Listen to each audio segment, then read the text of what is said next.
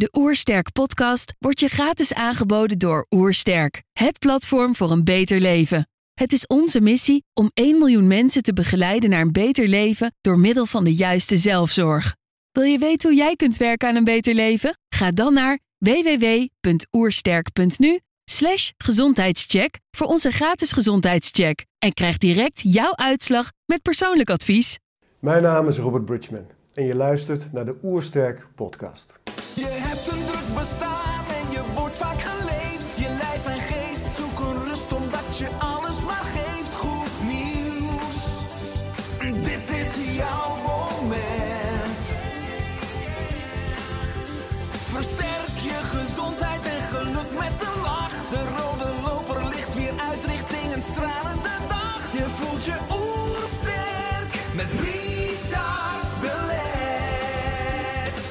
We zijn hier in Heemskerk voor een podcast met Robert Bridgman. Robert is lichtwerker, meditatieleraar en documentairemaker.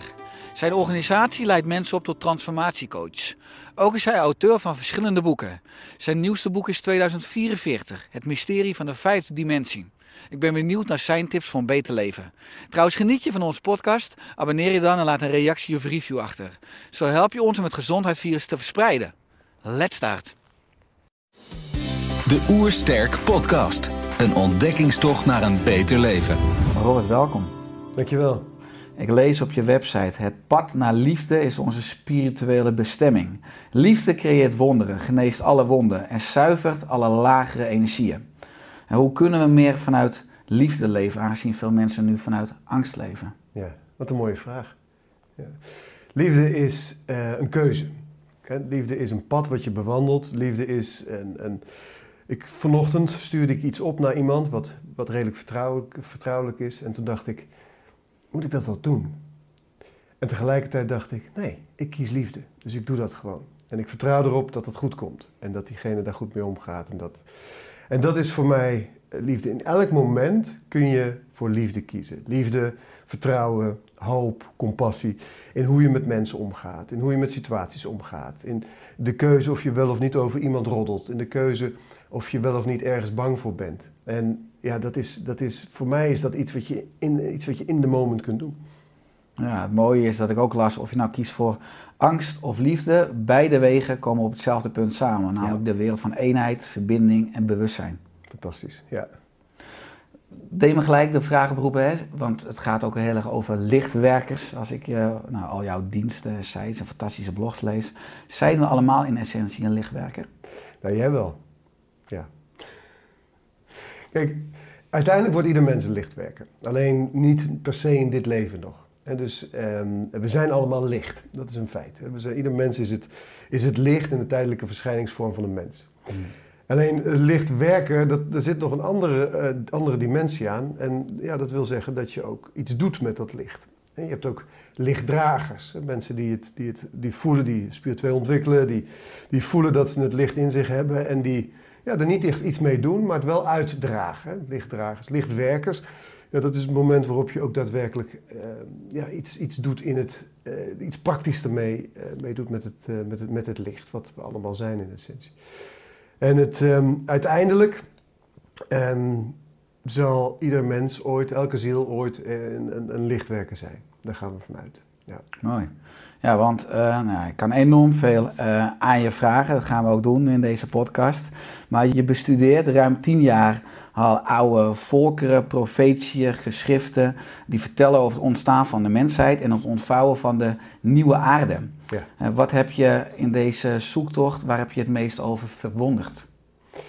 Over dat de, al die profetie, die, die vertellen eigenlijk allemaal hetzelfde. En toen ik zelf wakker werd, dat was zo rond 2008... ehm, toen ehm, eh, ontdekte ik zeg maar, dat de tijd waarin we nu leven... en eh, de, de, de samenleving, de, ook de chaos van dit moment... dat die al lang bekend was. En dat al duizenden jaren door Indianen of door, door, in, in- door in India in de hindoe- hindoeïstische geschriften... of in Israël in kabbalistische geschriften... dat eigenlijk los van elkaar in al die tradities hetzelfde verteld werd. En ehm, dat, vond ik zo, dat vond ik zo fascinerend. Ik dacht, ja, hoe kan het nou? Hoe kunnen ze nou, dacht ik toen, hoe konden ze nou 10.000 jaar geleden al weten dat we in deze tijd, in deze situatie terechtkomen? Dus hoe bijzonder is dat? Nou, dat, dat, dat, heeft me, dat integreert me nog steeds. Ja. En als je dat toen al voorspelde, deze situatie, die veel mensen dan een crisis noemen, eh, maar dat is dan een stukje perspectief. Hoe kijk je dan nu naar de huidige crisis? Ja, als een soort eh, voorloop. Kijk, het, is, het is een soort bevalling. En eh, dit zijn de, de, weeën die we nu voelen. Nou ben ik een man, ik weet niks van weeën. Ik heb drie keer heb ik het eh, van dichtbij mogen bijwonen, eh, de bevalling. Ehm, maar ik snap heel goed dat ik, dat, ik, dat, ik, dat ik niet weet hoe dat voelt. Maar dat is wel wat je ziet in de maatschappij. Dat er een soort van, ja, die chaos die, die, die voorspeld is. Het zal eerst een tijdje slechter worden, donkerder worden, chaotischer worden. Voordat het, ehm, het omslagpunt bereikt kan worden en het lichter wordt. En de, de Terra Nova, de nieuwe aarde zich aandient. Ehm, ja, dus, dus zo kijk ik ernaar. Dus ik kijk er ook vanuit liefde naar. Ik maak me ook niet zoveel zorgen. Ik vind het vervelend voor mensen die er vanuit angst naar kijken. Tegelijk realiseer ik me dat het een keuze is. Ehm onbewuste keuze, maar het is een keuze. En eh, ik, ja, ik, ik zie het gebeuren. En je, als je dit weet eenmaal, dan, dan zie je ook hoe dat zich voltrekt. En eh, je ziet de, de, de bewegingen die die chaos maakt. En de bewegingen die het, het licht aan de andere kant maakt. En dat, ja, ik ben heel hoopvol. Ja. Als je het hebt over die beweging, eh, ook over nou, donker, licht, angst, liefde. Eh, ik lees in een blog van je dat, eh, daar schrijf je, totale verlichting bestaat niet. Hè? Dan was je hier niet. Dus is er een wereld met alleen vrede, dus zonder onvrede of strijd mogelijk? Ja, de, weet je, die hebben altijd een, in een bepaalde mate polariteit, een dualisme. En yin en yang is natuurlijk wel heel erg een balans. Yin en yang beschouw ik zelf als een 3D-fenomeen. en ehm, je krijgt wel een andere balans. Hè. Op dit moment zouden we kunnen zeggen dat, de- dat het, het donker, duister, het chaos, een veel te groot deel heeft in de, in de maatschappij en in de samenleving. En ehm, het is niet de bedoeling dat we zonder donker of duister doorgaan. Dat hoeft niet. Maar eh, het zal wel minder worden. En de- het dualisme wordt steeds minder. De polariteiten te- ertussen worden steeds minder. En wat we gaan merken is dat, de wereld, dat het wel het, steeds meer een bewustzijn van liefde en harmonie is. En eh, een bewustzijn van verbinding. En dan, ja, op het moment dat je een bewustzijn van liefde hebt, heb je niet zoveel angst. Als je een bewustzijn van harmonie hebt, heb je niet zoveel chaos. Als je een bewustzijn van verbinding hebt, heb je niet zoveel afgescheidenheid. Ja, dus dat is wel, geval volgens de profetie, hè, waar we naartoe onderweg zijn. Dus meer heelheid, meer eenheid en dus zeker minder angst en chaos. Ja, mooi. Eh, ik zal gelijk een bruggetje maken naar je nieuwste boek, hè, 2044. Ja. Eh, het mysterie van de vijfde dimensie. Waar gaat het boek over? Het is mijn debu- debuutroman. Ik heb zes boeken geschreven, maar dat waren allemaal boeken in de persoonlijke ontwikkelingssfeer. En, eh, of stoppen met vlees over de bio-industrie en de effecten daarvan. En eh, 2040 is een spannend avontuur van de hoofdrolspeler Simon, ehm, die wakker wordt in een wereld die, ehm, ja, waarvan hij altijd dacht dat het helemaal fijn was. En van- waarvan hij altijd dacht dat het ging om, eh, om slapen, eten, entertainment en werken. En plotseling ziet hij dat de wereld eigenlijk heel anders is dan hij altijd had gedacht. En dan wordt hij meegenomen door een, door een, lichtwerkersverzet. en die, eh, die, eh, die, die leggen hem uit hoe de, wat er eigenlijk aan de hand is in de wereld. En wat de werkelijke krachten achter de schermen zijn. Ja, en Simon die ontdekt dat daar steeds nieuwe stappen in, maar die ook, gaat daar ook zijn eigen ontwakingsproces in door. Dus ik heb geprobeerd om zeg maar, het ontwakingsproces van Simon, wat ik, eh, als je dat in een, in een zelfhulpboek schrijft, dan, is het meer, dan schrijf je het hoe je het doet, wat het is en hoe je het doet. En nu is het meer van hoe, hoe ervaar je dat? Hoe voel je dat? En hoe gaan je vrienden ermee om? Hoe gaan de, je mensen in je omgeving ermee om? Wat, hoe reageren je collega's? Hè? Dus mensen die ontwaken natuurlijk, ja, op dit moment heel veel mensen. En het is heel lastig als er, er zijn geen gidsen van eh, hoe ga je om met je ouders of hoe ga je. Nou, dat heb ik geprobeerd om in dit boek vorm te geven. Dus je, je, door zijn ogen maak je het ontwaakproces mee. Er zit nog een hele leuke extra in met de QR-codes, maar daar kan ik straks wel iets over vertellen. En eh, vervolgens, maar je maakt ook het ontwaken van de mensheid door zijn ogen eh, mee. En je ziet hoe hij ehm, eh, de, de, de, de, de- door zijn keuzes, zo binnen zo buiten, de buiten hem dingen veranderen. Want ken jij het boek 1984 van George Orwell? Mhm. Dat boek las ik voor het eerst toen ik een jaar of 18 was. Stond in de boekenkast van mijn vader. En dat heeft me nooit meer losgelaten. Ik weet nog dat ik dat boek teruglegde en dat ik dacht... Oh, wat, wat, wat fijn dat de wereld niet zo geworden is. Hè? Want Orwell schrijft natuurlijk een totali- totalita- totalita- totalitaire staat. Klopt. Drie superrijken die alle macht hebben op aarde. Ehm, en toen zet ik dat boek weg. Toen dacht ik, maar het is wel zo. De wereld is eigenlijk zo geworden als Orwell, en dat was in 1994. De wereld is wel zo geworden als Orwell heeft voorspeld. Alleen we hebben het niet meer. We hebben het niet in de gaten, omdat het aan de voorkant zo goed ingekleed en aangekleed is. Maar mensen zitten in, we zitten gewoon in een soort val. En vanaf dat moment is eigenlijk, het, eh, ja, is, is eigenlijk dit proces begonnen. En eh, dat boek 2044, dat ben ik eigenlijk toen begonnen met schrijven. Dat realiseer je natuurlijk achteraf pas. Maar daar is het voor mij aangegaan. En eigenlijk doe ik hetzelfde als Orwell. In alle bescheidenheid. En ik ga me niet vergelijken met, eh, met, met de grote Orwell. Maar wel, het is een hommage ook aan 1984. Want ik omschrijf de wereld op dezelfde manier. Alleen, er zijn voor mij altijd twee elementen geweest aan het boek van Orwell die we niet hebben meegenomen. in- of die hij niet heeft meegenomen. En of hij dat niet wist, of dat, of dat het eh, niet speelt, ik weet niet waarom. Maar eh, enerzijds het ontwaken van de mensheid, wat nu zo, ja, zo tekenend is en zo zichtbaar is, dat komt niet voor in het boek van Orwell. En anderzijds ook ehm, de, de hulp die we hebben bij het ontwaken, eh, de galactische hulp die er is. Eh, we zijn niet alleen in dit universum, dat is inmiddels wel duidelijk.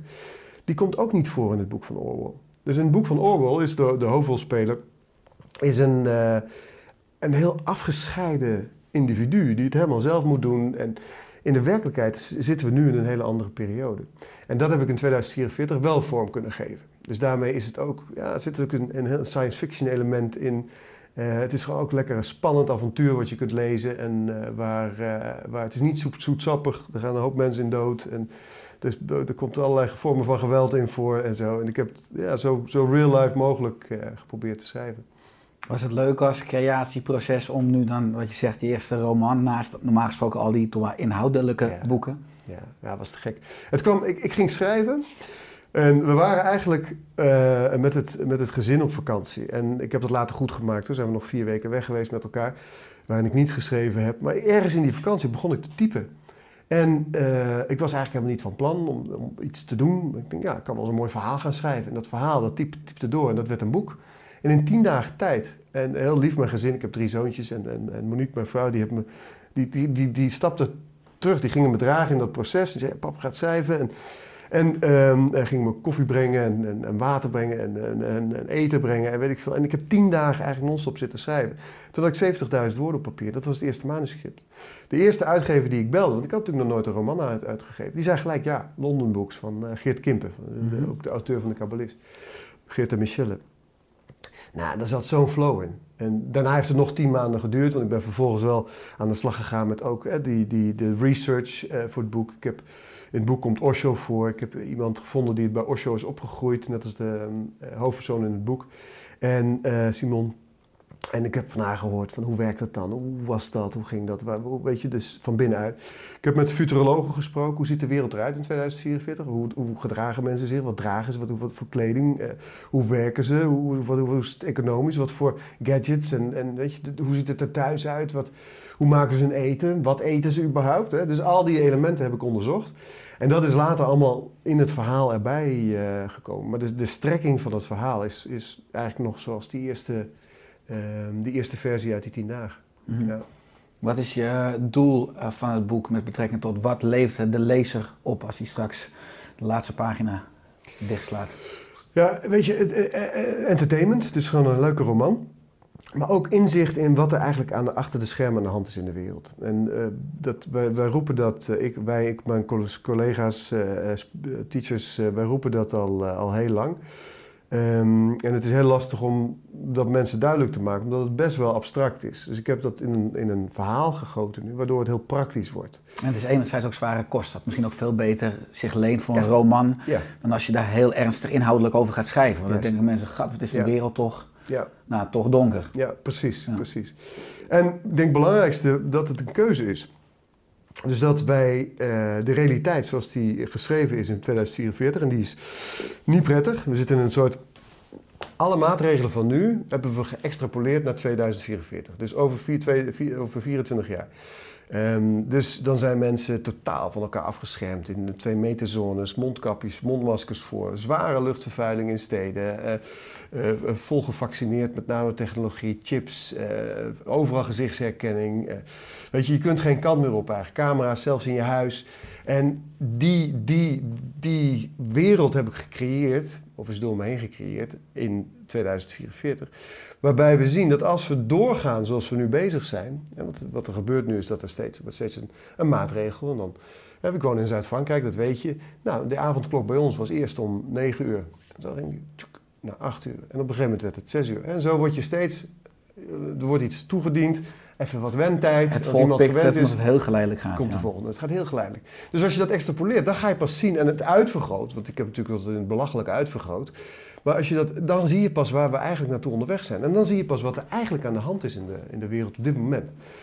Maar ook, en dat is misschien wel het belangrijkste, wat er kan gebeuren als we andere keuzes maken met elkaar. En wat de kracht van het individu daarin is, maar ook de kracht van de verbinding. Dus als wakkere mensen zich met elkaar verbinden en samen, eh, niet vanuit strijd en angst, maar vanuit liefde en verbinding, eh, ja, een soort tegenwicht gaan bieden aan die ontwikkelingen van nu. En dan kan het heel snel gaan. Mooi. Eh, we gaan van 3D naar 5D. Eh, dat hoor je veel, ook bij jou hè, op, je, op je socials, waar je fantastische informatie de wereld eh, eh, in verspreidt. Wat betekent dit concreet en hoe kunnen we dit proces zo moeiteloos laten verlopen? Ja, van 3D naar 5D is eigenlijk de voorspelde beweging waar de mensheid nu in zit. En 3D, de dimensie, in de dimentieleer zijn er 13 dimensies op aarde. En de laagste dimensies, de eerste, tweede, die zijn heel fysiek. Heel laag, lage trilling, lage frequentie. Dus dat betekent ook heel veel duister, hè, negatieve eh, geladen emoties. Dus macht, angst, controle, hiërarchieën, instituten. Ehm, eh, en dat, dat, dat loopt zo tot maar door de eerste twee dimensies, die zijn heel laag. En dan heb je die derde dimensie. Dat is nog steeds een dimensie van macht en controle. De vierde dimensie die komt daar iets bovenuit. Een soort overgangsdimensie waar we eigenlijk nu in zitten als mensheid. Dat is ook de chaos die we nu Mhm. en het ontwaken. Al die mensen die wakker worden en ineens zien wat er eigenlijk aan de hand is in de wereld. En de vijfde dimensie, dat is de eerste liefdesdimensie. Dus het is nog niet een verlichting, maar de eerste dimensie waar ja, een stuk minder dualiteit is, een stuk minder polariteit is. En mensen veel meer vanuit liefde en wijsheid eh, kunnen leven en, het leven kunnen percipiëren. En dan loopt dat door, hè, zo rond de zevende dimensie, dan, komen die, dan wordt het een soort eenheidsbewustzijn. En de dertiende dimensie is uiteindelijk verlichting, maar dan verlaat je ook het aardebewustzijn en dan kom je niet in een, in een lichaam terug.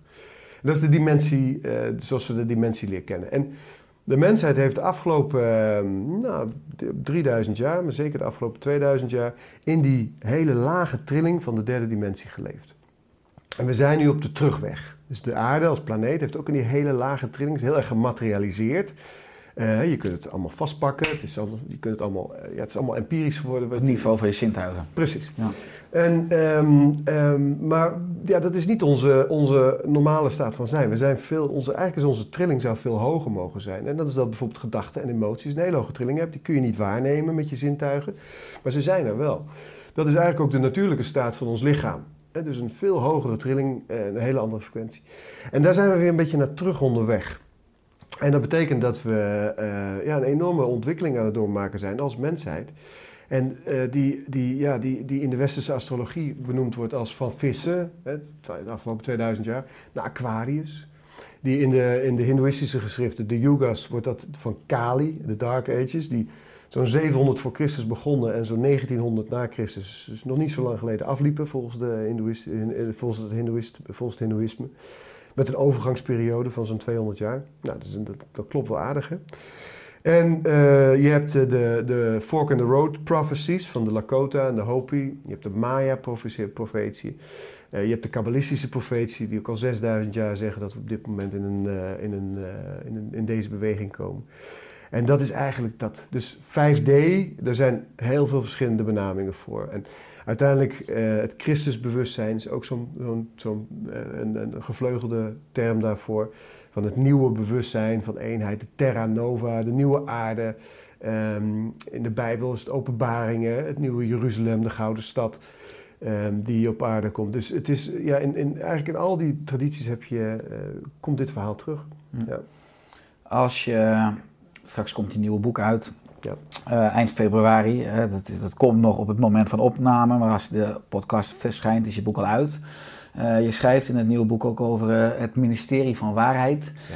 Nou, dat boek, hè, want dat is natuurlijk het universum, synchroniciteit, dat komt ook bij Mark Rutte. En die denkt, jeetje, die Robert, ik ga hem eens bellen. Wat als je nou minister van waarheid zou worden? En met een enorme zak geld en mogelijkheden. Wat zou je veranderen? Wat een mooie vraag.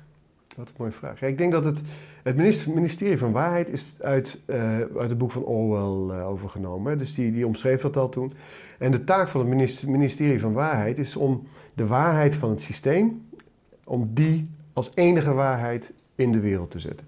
Dus ook als de waarheid van het systeem morgen verandert, dan wordt alles herschreven, de geschiedenis wordt herschreven, zodat het één waarheid is. En dat is eigenlijk ook de waarheid zoals het, in, ja, zoals het op dit moment is. Dus we hebben een, een bepaald idee van, ook dat leren we ook op school, in het onderwijs, in de wetenschap, in de, in de media.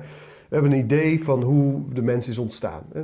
10.000 jaar geleden, jager-verzamelaars, en zijn we zo doorgeëvolueerd naar nu. Maar het is helemaal niet waar. Er zijn beschavingen, die, eh, de oudste beschaving is de Sumerische beschaving in onze moderne geschiedkunde, 5500 jaar geleden eh, is die ontstaan. Maar inmiddels weten we al, er zijn beschavingen in Peru ontdekt van 7000 jaar geleden. Eh, Göbekli Templi in Turkije is ontdekt. Daar, daar praten we zeker over 10.000 jaar geleden. Dat is nieuwe archeologie. Maar we kunnen veel verder terug in de tijd. En we kunnen 200.000 jaar terug in de tijd, naar het moment waarop de mens is ontstaan. Hè, 200.000 jaar geleden is er een, een mutatie geweest in, onze, in, onze, eh, in ons DNA. Een tweede en het zevende chromosoom zijn veranderd, waardoor we hersencapaciteit hebben gekregen. De neocortex is ontstaan, waardoor we kunnen, eh, spraak hebben ontwikkeld. Maar die mutatie is niet natuurlijk verklaarbaar. 200.000 jaar geleden is de anatomisch moderne mens, die wij zijn, 200.000 jaar zijn we niet veranderd, is ineens vloep, vloep op aarde ontstaan. Nou, dat, is, dat kun je een heel gesprek, dat is heel interessant, dat omschrijf ik ook in het boek. Dat is onze werkelijke geschiedenis. 200.000 jaar en eigenlijk gaat het nog veel, veel verder terug. Eh, De aarde is 4,5 miljard jaar oud, maar de mensheid is ook veel ouder. Eh, wij, gaan er honderden miljoenen jaren mee in allerlei vormen. Maar steeds roeien we onszelf weer uit en beginnen we weer helemaal opnieuw vanaf, vanaf de steentijd, zeg maar. Nou goed, Eh, die werkelijkheid die kom je niet tegen, terwijl daar eh, bewijs voor is, archeologisch bewijs voor is, eh, er, zijn, eh, er is wetenschappelijk bewijs voor. Die kom je niet tegen in, in de reguliere media, die kom je niet tegen in de zorg, die kom je niet tegen in de, in de wetenschap of in het onderwijs. En ehm, als ik ministerie of minister, van Waarheid zou zijn, dan zou ik juist die alternatieve werkelijkheden allemaal laten onderzoeken. Want ook als je kijkt naar wat complottheorieën genoemd wordt, de meeste complottheorieën zijn gewoon waar. En je hebt hele extreme complottheorieën, waarvan we, ja, ik, weet je, ik zag laatst een, een, een, een of andere, iemand zei, oh, moet je eens hier kijken. Toen zag ik iemand een webinar geven en die juichte, want Mark Rutte was eh, geliquideerd. En, en er zat 10.000 mensen te kijken, die waren allemaal aan het juichen, want Mark Rutte was geliquideerd. Toen dacht ik, oké, er zijn ook complottheorieën die heel ver gaan, want volgens mij leeft hij nog. Hè? En eh, hoeft niet waar te zijn, misschien zit ik ernaast. Maar dan zou ik dat, al, zou ik dat niet direct als wappie afschuiven, maar dan zou ik er daar een, een ploeg op zetten om te onderzoeken of dat waar is. Want stel je voor dat ze gelijk hebben. En eh, de, de, er zijn natuurlijk allerlei theorieën over dat ehm, leiders op dit moment vervangen zijn voor een soort van eh, hybride-achtige. eh, De Great. Reset. Ja. Ja, stel dat het waar is, dan wil je dat toch onderzoeken. Mhm. Of eh, er zijn mensen die zeggen dat de aarde plat is. Dat is niet wat ik geloof, maar er zijn mensen die de aarde plat is. Zeggen dat de aarde plat is. Dan zou ik dat willen laten onderzoeken. Ehm, er zijn mensen die zeggen, weet je, al dat complottheorieën die geven eigenlijk de grens aan van de samenleving en van de, van de, de, de status quo. En daar zit juist de groei en de, en de eh, weet je, door, ik ben ervan overtuigd als we ze allemaal echt gaan onderzoeken, dat we ontdekken dat de wereld heel, heel, heel anders uitziet. Nou, en, kom, en als je dat iets dichter bij huis haalt dan, en iets minder, eh, iets minder ver, dan, dan zijn bijvoorbeeld het bestaan van UFO's, het, het, de gebeurtenissen rond die, die, eh, die gebouwen in New York destijds. Ehm, daar, is, er is zoveel over te vinden en dat wordt zo weggecensureerd in de media. Maar ook dat wat nu gebeurt, de Great Reset waar jij het over hebt, hè, dat deze pandemie ehm, en vooral de gevolgen ervan wel heel erg, heel erg mooi aansluiten bij de agenda van het World Economic Forum. Ja, dat zou ik dan willen onderzoeken als minister van Waarheid. En, en niet afdoen eh, of, eh, of, weg, eh, of, of wegstoppen. Hè? Mhm. Ja. Nou ja, ik, ik bedenk me gelijk als liefde de allergrootste kracht is. Hoe komt het dan dat degenen die dan eventueel leiding zouden hebben over de wereld ook uiteindelijk dan niet eh, de meest universele verantwoordelijkheid hebben of dus lichtwerkers zijn? Kunnen, eh, ik bedoel, eh, vanuit het licht zit uiteindelijk ook alle macht om dat ook weer te, te resetten, letterlijk, zeg maar, Ja. richting liefde. Uiteindelijk gaat het ook gebeuren. Hè? Alleen we, zeggen, we komen natuurlijk uit een hele donkere tijd. Hè? We hadden het net al over Kali, Dwapara, sorry, Kali, derde dimensie. En ehm, in die periode is de trilling zo laag geweest dat ja, we, we vatbaar zijn geworden voor allerlei krachten die zich voeden op die trilling. En die krachten hebben er alle belang bij dat wij in die lage trilling blijven. En die doen ook hun best om ons in die lage trilling te houden. En helaas hebben die krachten veel van eh, ja, wat wij als leiders beschouwen, eh, flink onder de duim. En die krachten die zijn nu bezig, we hebben het natuurlijk over de Great Reset. Eigenlijk is, is 2044 een, een, een wereld van post, na de, de, de Great Reset, hè, post Great, Re- Great Reset wereld, om het even zo te noemen. En ehm, daar hebben die krachten de volledige macht. En je ziet het nu gebeuren. Hè. Je ziet dat ehm, de, de agenda, en dat kun je gewoon lezen op de website van het World Economic Forum, dat kun je lezen in de boeken van Klaus Schwab, de, de, de, de, de, de executive director van het eh, Economic Forum. Zijn boekje COVID en The Great Reset is een heel interessant boek. En die agenda die, die, die gaat erom dat zij in 2030 zegt: dan is er geen horeca meer, dan komen mensen niet meer samen op evenementen, want dat is beter voor het milieu, dan vliegen mensen niet meer, reizen mensen niet meer. Eh, Dan heb je dus het nieuwe normaal. Mensen komen niet meer bij elkaar in de buurt. Er bestaan geen winkels meer. Eh, mensen zijn afhankelijk van de overheid. Eh, eh, eh, alle schulden worden kwijtgescholden. Maar in ruil daarvoor geven mensen hun bezit op. Het, het wordt een één partijwereld met één wereldregering. Een nieuwe eh, currency, digitale currency. Geen cashgeld meer. Die wereld die staat al beschreven voor 2030. En alle maatregelen die nu genomen worden. Vanaf het begin af aan had men het over eh, de- het nieuwe normaal. Vanaf het begin af aan had men het over vaccinatie. Vanaf het begin af aan had men het over ehm, eh, dit moet dicht, dat moet dicht. En, eh, en wat je ziet is dat, dat alles wat, alle maatregelen die genomen zijn om zogenaamd de pandemie te bestrijden, die sluiten één op één aan bij de agenda die de rijkste mensen en de, en de grootste politici op dit, van dit moment hebben eh, in Davos. Dat is één op één. En dat is nou, toch zacht gezegd wel bijzonder, denk ik, hè, dat, dat, eh, dat dat zo is. En dat zijn voor mij die krachten die, die daar zich mee bezighouden. Alleen ehm, ben ik stellig van overtuiging, in de overtuiging dat, dat, dat, dat ze het niet gaan redden. Dat dat niet gaat lukken. Dat dat niet gaat beur- gebeuren, omdat er veel te veel innerlijk ontwaken is. Eh, Als, je, als de oceaan ontwaakt, dan ontwaken alle golven ook. Want de golf is, is de oceaan een tijdelijke verschijningsvorm van een golf. Hè, Dus als, het, als moeder aarde en het menselijk bewustzijn aan het ontwaken is, ja, dan ontwaken alle mensen, want we zijn allemaal dat bewustzijn in een tijdelijke ver- verschijningsvorm van een mens. Dus het komt van binnenuit. Dus je ziet ook dat binnen bedrijven, binnen de overheid, eh, binnen het onderwijs, binnen de zorg, eh, over, binnen de media, overal en zelfs de politiek, overal zijn mensen aan het wakker worden. Zijn mensen aan het ontwaken en die zeggen allemaal hetzelfde. En die zien ook allemaal hetzelfde. Ja, en dat zie je wereldwijd gebeuren en dat is ook alleen maar meer en meer en meer aan het gebeuren. En daarom hebben ze die maatregelen ook nodig. Dan moet het allemaal zo streng. Het is een soort achterhoedegevecht om te, om te kijken of ze dat, of ze dat nog kunnen, kunnen redden. Of ze ons nog in die lage trilling kunnen houden, zodat ze ons kunnen blijven eh, gebruiken. Ja. Ja, mooi hoe je het hebt over de golf uit de oceaan. Hè. De mens komt ook uiteindelijk uit één bron. We zijn Ja. een spiritueel wezen Ja. in de tijdelijke verschijningsvorm van een mens, wat je zegt. Dat heeft twee delen. Enerzijds informatie weten, maar ook vooral transformatie ervaren. Veel mensen ervaren nu het leven als zwaar en willen lichter leven. Ook een titel van een van je Ja. eerdere boeken. Eh, hoe kunnen mensen lichter leven? En nogmaals, ik weet dat meditatie ook een rode draad is. Ja. Kan Ja. meditatie daaraan bijdragen? Ja, zeker. Weet je, als je het hebt over lichter leven, dan. ehm, dat, was, dat was natuurlijk eigenlijk hetgene waar ik me. Dat is eigenlijk hetgene waar ik me mee bezig hou. Hè? Mensen helpen om lichter te leven, om zichzelf te realiseren. Ik leid transformatiecoaches op, eh, meditatieleraren op, om dat bewustzijn. En dit, dit, dit verhaal wat ik nu net vertelde, een roman, dat is eigenlijk een soort van geboren uit, ja, uit deze situatie, uit de huidige situatie. En ik voel het als een, een soort roeping om mensen te, te vertellen over wat er aan de hand is. Maar het, is natuurlijk niet iets waar, het is natuurlijk niet waar ik me in mijn dagelijks leven mee, eh, mee bezig ga.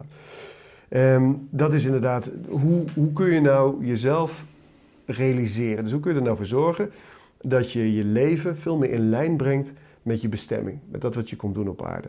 Zodat je eh, een leven krijgt wat niet, niet meer alleen maar draait om werk, eh, om entertainment, om slapen, om eten, om je sociale leven en de kinderen, maar dat je ook daadwerkelijk vervulling gaat vinden in je leven en gaat ontdekken wat het leven voor jou te bieden heeft. Want heel veel mensen hebben het gevoel dat ze op een soort parallel, in ja, een soort parallelstraat zijn van het leven wat ze eigenlijk zouden mogen leven. En dat er een soort muur tussen zit, waardoor ze niet hun werkelijke potentie kunnen vinden. Nou, die muur die bestaat. Hè, Die, die muur, dat is niet een, een fysieke muur, maar die muur die is, is eigenlijk je conditionering. En als je die muur gaat afpellen, laagje voor laagje, dan kom je dus steeds dichter bij het leven wat je eigenlijk hier kwam leven. Dan kom je steeds dichter bij de versie van jou die authentiek is. En hoe authentieker je bent, kijk maar naar jezelf als jong kind, even los van de mensen die hele heftige dingen hebben meegemaakt als kind. Maar als kind was je gelukkig, je leefde in het nu.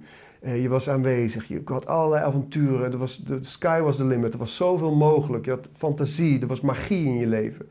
En eh, dat, in feite is daar die, die, die, die conditioneringsmuur tussen gekomen, waardoor je daar niet meer bij kan.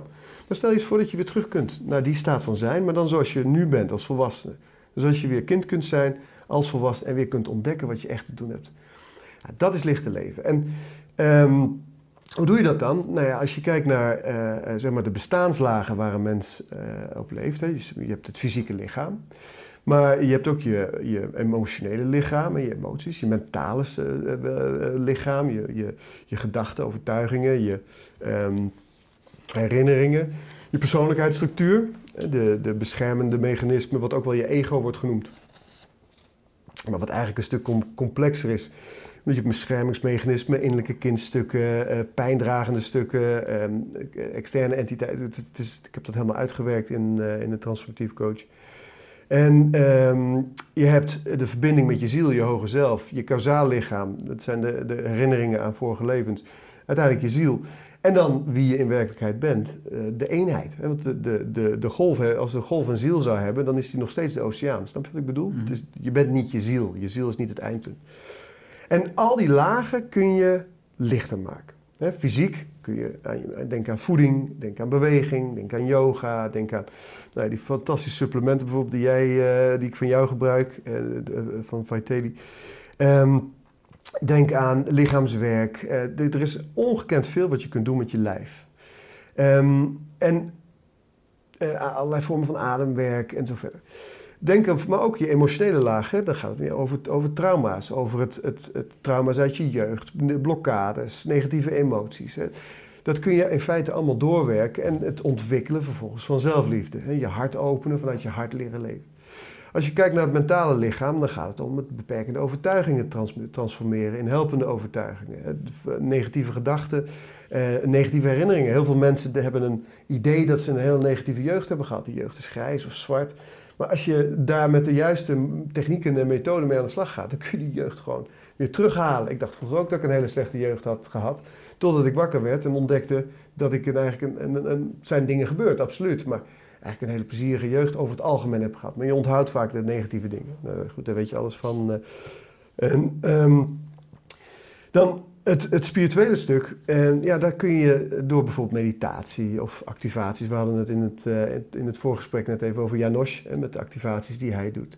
Eh, allerlei, voor allerlei initiaties, spirituele initiaties. Daar kun je heel veel doen om dat te optimaliseren. Zodat je verbinding krijgt met het spirituele in jezelf. En als je verbinding krijgt met het spirituele in jezelf, maak je eigenlijk verbinding met de liefde, met de wijsheid, met voorspoed, met geluk, met overvloed.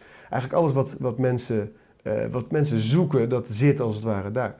Nou, en als je die, dat proces doorgaat en jezelf dus op al die lagen kunt, eh, eh, kunt opschonen, dan ben je eigenlijk die muur tussen het, het misschien wel surrogaatleven dat je hebt, wat ook leuk is en gezellig, ehm, maar niet is waar je eigenlijk voor kwam, die muur die lost op. En dan merk je dat je steeds meer bij jezelf komt. En dat je steeds meer de dingen gaat doen die je eigenlijk altijd al wilde. Dat je steeds beter weet wat je eigenlijk te doen hebt. Dat je voelt van binnen die passie van, oh ja, dit, is, dit vind ik gaaf, dit vind ik leuk, dit, is, dit, is, dit, is, dit leidt naar mijn bestemming.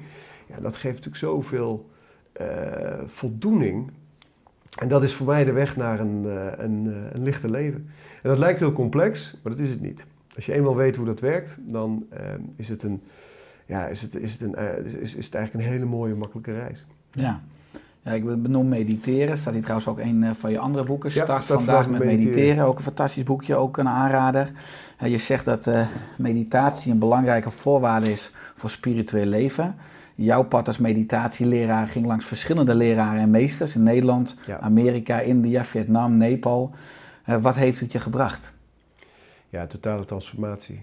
Weet je, toen ik voor het eerst ging mediteren, dat was in 2008, eh, bij mijn leraar eh, Dingeman Boot, ex-boeddhistisch monnik, voormalig boeddhistisch monnik moet ik zeggen. toen ging ik zitten daar en toen dacht ik, dit, dit snap ik, ik ben thuis. En ik was toen nog, eh, ik had zwaar overgewicht en ik was nog helemaal in die... Ik was, ik was directeur in een bouwdienstverleningsbedrijf, hè, voordat ik eh, ontwaakte. Ik had 80 man personeel en ik, was, ik vond mezelf een hele bink. En eh, toen ik voor het eerst ging mediteren, vond ik het ook echt wel heel zweverig allemaal. En dacht, nou, dit is toch ook wel vaag. Wat zit ik hier nou te doen, man? En, eh, maar ik ging zitten en, en hij begon les te geven. En ik dacht, nou, dit is gewoon, ik ben gewoon thuis. Dit, is, ik heb, dit ken ik, dit snap ik, dit begrijp ik. En toen ging het zo snel. Toen ben ik ook met yoga begonnen. In de eerste periode heel intensief yoga, meditatie. eh. en eh, ik ben 2,5 jaar bij die leraar gebleven. En ik had, werkte natuurlijk wel gewoon tussendoor. En weet je, ik was niet fulltime bij hem. Maar dat heeft me zo veranderd. Ik werd, ik werd van een, vrij dominante, ehm, eh, nou ja, dominant ben ik nog steeds trouwens, maar dan op een andere manier. Eh, maar op een dominante, materialistische, hele arrogante persoon. ehm, die het goed bedoelde en een goed hart had. Hè. Ik was, was niet een slecht mens of zo, maar ehm, werd ik veel zachter. En werd ik veel compassievoller en veel opener en veel liefdevoller. En ik ging dingen anders zien. Ik ging mensen anders zien. Hè. Toen ik voor het eerst binnenkwam in die meditatie, dacht ik ook, jezus, wat een stelletje geitenwolle sokken hier, maar wat doe ik hier? En eh, naarmate ik verder ging, begon ik steeds meer mensen te zien voor wat ze in werkelijkheid zijn. En die laag, die buitenkant, die conditionering, daar steeds meer doorheen te kijken. Maar ik begon ook steeds meer te, te begrijpen wie ik ben. En daardoor kon ik een heleboel, een heleboel stukken loslaten die mij in mijn dagelijks leven tegenhielden. En eh, die, die, die ja, dus zeg maar steeds meer inzicht krijgen in mezelf, fysiek, emotioneel, mentaal, spiritueel. En als je gaat zien wie je niet bent, dat is uiteindelijk waar het pad van meditatie naartoe leidt. Als je gaat zien wie je niet bent, dan ga je uiteindelijk eruit komen bij wie je in werkelijkheid bent. Als je ziet in de meditatie, hey, ik ben helemaal niet het fysieke lichaam, ik heb een fysiek lichaam. Als je ziet in de meditatie, hey, ik ben helemaal niet mijn emoties, die komen en die gaan, ik heb emoties. Ik ben helemaal niet mijn jeugd. hey, ik ben helemaal niet mijn gedachten of mijn overtuiging of mijn mening of mijn oordelen. Ik, ik, ik- ben iets heel anders. Maar wat ben ik dan? En als je verder doorgaat en je ontwikkelt daarin, dan kom je op een gegeven moment op een punt dat je an- vorige levens gaat zien. Dan denk je, ja, maar dat ben ik eigenlijk ook niet. Ik ben uiteindelijk niet eens mijn ziel, wie ben ik dan? En door heel in die meditatie heel erg te kijken naar wie je en wat je niet bent, kom je uiteindelijk uit bij wie je in werkelijkheid bent. Niet door ehm, dat eh, te bedenken en te analyseren, en, en, eh, nee, maar door te ervaren, direct experience. En uiteindelijk heeft dat, de meditatie me dat gebracht. En die direct experience is denk ik het allerbelangrijkste eh, in het leven. Dat we, we, we conceptualiseren het leven, we, we bedenken het leven, we, we, we hebben een plaatje van hoe het leven moet zijn. De meeste mensen hebben geen seks met een partner, maar hebben seks met een plaatje. Hè, daarom is porno ook zo, eh, zo enorm populair, zeker in deze, eh, deze tijd. We hebben een plaatje van hoe het leven eruit moet zien, een plaatje van onze, hoe onze kinderen het moeten doen, een plaatje van hoe ons werk moet zijn. Een en wat meditatie doet, is dat plaatje doorprikken. Pff, als de ballon die het eigenlijk is, pff, weg. En dan ga je de realiteit zien. En de Vipassana, ik beoefen zelf Vipassana meditatie. De, de moeder ook van de mindfulness meditatie, wat natuurlijk heel erg eh, in zwang is tegenwoordig. En Vipassana betekent letterlijk, het is Pali, de taal van de Boeddha, betekent letterlijk de werkelijkheid zien zoals die is. En dat is een, dat is een waanzinnige ontwikkeling. En kom ik bij John Lennon, die natuurlijk ook intensief mediteerde, hè, het, eh, eh, transcendente meditatie. En John Lennon zei ook, in die meditatie word je steeds echter. En hoe echter jij wordt, hoe meer onecht die wereld wordt. En dan ga je begrijpen waarom de Boeddha ooit eh, vertelde dat de werkelijkheid waar we in leven een illusie is. En dan ga je begrijpen waar het hele idee van de Matrix vandaan komt. Van, die, van het hologram. En de, de, de Kataren, ik woon in een Katarengebied. Een oud volk uit Zuid-Frankrijk, die hadden het over de namaakschepping. En langzaam maar zeker krijg je daar dan meer inzicht in. Maar in eerste instantie, om het eventjes eh, het bruggetje even te slaan, is meditatie natuurlijk gewoon, ja, je, je, zelfbewustzijn neemt toe. Je wordt er gelukkiger van. Je wordt er empathischer van. Je wordt er vitaler van. Je immuunstelsel gaat beter functioneren. Je huid wordt er gezonder van. Je wordt er ouder van. Hè. De telomeren op je, op je chromosomen die worden, letterlijk, die worden minder, minder snel kort. Ehm, je, ehm, de delen van je brein, die, je prefrontale cortex ehm, en je, je limbisch systeem gaan beter met elkaar communiceren, waardoor je veel betere hoofd-hartbalans krijgt en en een hoofd-gevoelbalans krijgt. Ehm, ja, zo zijn er zoveel, hè, je min- je minder angstig, minder onzeker, omdat die amygdala minder actief wordt. En dat is allemaal wetenschappelijk aangetoond. Dus daar begint het, zeg maar, met al die voordelen die die meditatie heeft. Gewoon in het directe, in, in, in je dagelijks leven, in je dagelijks zijn. Je gaat je beter voelen, voelt je lekkerder. Maar uiteindelijk gaat het daar niet om. Uiteindelijk gaat het erom dat je de werkelijkheid gaat doorzien. En dat je de illusie waarin je leeft gaat doorzien. En de werkelijkheid gaat vinden in jezelf. En dat is ook, ja, uiteindelijk je kunt je voorstellen dat als je de werkelijkheid gaat vinden in jezelf, dat dat enorm geluk met zich meebrengt. En dat het enorme authenticiteit met zich meebrengt. De zelfverzekerdheid met zich meebrengt. En vanuit bescheidenheid, niet vanuit arrogantie. En dat het ehm, helder maakt wat je missie is, wat je bestemming is, wat je purpose is, wat je te doen hebt op aarde. En je ook nog de tools geeft die je nodig hebt. Want dan blijk je ineens de talenten en de, de skills te, hebben die je nodig hebt om dat eh, te doen. Hè. Kijk maar naar jouzelf. Je vertelde me ook, je bent al jaren geleden kwam je al bij Roy Martina, jaren geleden kwam je al bij Janos. Je hebt veel ervaring, veel spirituele ontwikkeling. Eckhart Tolle, Chopra Eckhart Tolle. zat ik in de zaal. Ja. En ik, ik loop nu net door, jouw eh, door jouw eh, gebouw en het is hier echt waanzinnig. Ik, heb, ik denk dat er weinig van ons zijn die zo professioneel zijn als jij bent. Maar je volgt je, je, je missie. Je hebt ontdekt wie je in werkelijkheid bent. Je hebt ontdekt wat je bestemming is. Je hebt ontdekt wat je missie en je passie en je purpose is. En je gaat volle bak. En alles wat je nodig hebt, is er al. Weet je? En je hebt de talenten zijn er al, de skills zijn er, de mensen die je nodig hebt verschijnen op je pad, de financiën die je nodig hebt verschijnen op je pad, de ervaringen die je nodig hebt verschijnen op je pad. En je hoeft relatief weinig te doen om dat creatieproces voor te zetten. Tuurlijk, je werkt heel hard, dat weet ik. Hè. Je, je, en je maakt veel uren en je gaat er volle bak voor. Maar het zit wel in een flow. Je hoeft er niet voor, vanuit je ego voor te werken, omdat je vanuit je ziel aan het manifesteren bent. En dat is voor mij de, de essentie van spirituele ontwikkeling, de essentie van lichte leven. En ja, de meditatie is daarbij een ja, onmisbare tool. Mooi. Ja, want uh, ja, die passie en, de meditatie en ook het begeleiden van mensen doe je ook veel in Zuid-Frankrijk. Want dan woon je Ja. met je drie zoons en je Ja. vrouw Monique. Ja. Eh, aan de rand van de Pyreneeën, in de natuur, hoog energetisch gebied. Ik heb het zelf ook mogen ervaren met Oersterk, toen ik daar een paar jaar geleden ieder jaar een uh, Oersterk Relax Week hield. Je bent nu weer even een weekje terug in Nederland, eh, ook vooral voor de promotie van je nieuwe boek 2044. Hoe is het dan weer qua drukte en prikkels, ook om straks hè, zondag weer eh, terug te rijden naar Zuid-Frankrijk? Ja, bizar. Ontroert me ook. Echt bizar. Ik heb het gevoel dat ik in een soort twilight zone ben. Kijk, in Frankrijk hebben we eh, één wifi-kanaal. Ik, woon, ik heb 7 hectare land. Ik woon in een gebied waar niets is. Mijn buren wonen allemaal heel ver weg. Er zijn geen vliegvelden, er zijn geen grote steden in de buurt. er is een middeleeuws stadje vlakbij waar wij onze boodschappen doen. We hebben één wifi-kanaal via de satelliet. Ehm, we hebben, eh, natuurlijk is er 4G, maar er is nauwelijks straling. We wonen daar met een groep mensen. Eh, onze eigen eh, community. En de ene is, de, de, de, de, ene, die, die is de tuinman, een kok. En, de, de technische dienst en eh, therapeuten. En, het is een hele organisatie, omdat we groepen ontvangen. Hè. En zeker nu even wat minder. nog Terra wel, wat ja. minder. Terra Nova, het Ja. centrum. Een retraitecentrum. Dus het leven bij ons is heel ontspannen. Heel veel natuur, heel veel dieren. we hebben honden, katten, paarden. En de energie op Terra Nova is heel hoog. De trilling is heel hoog. En dan kom je dus hier en dan rij je... eh, ik reed samen met Brian, mijn rechterhand, hier naartoe. En naarmate ik dichterbij kwam... En zeker naarmate we dichterbij de bewoonde wereld kwamen, zeg maar. Nou, eerst Toulouse, dan kom je richting Parijs. En dan kom je in dat gekke huis. Weet je, en dan al die gebouwen. Die uitgestrekt, al die auto's op de weg.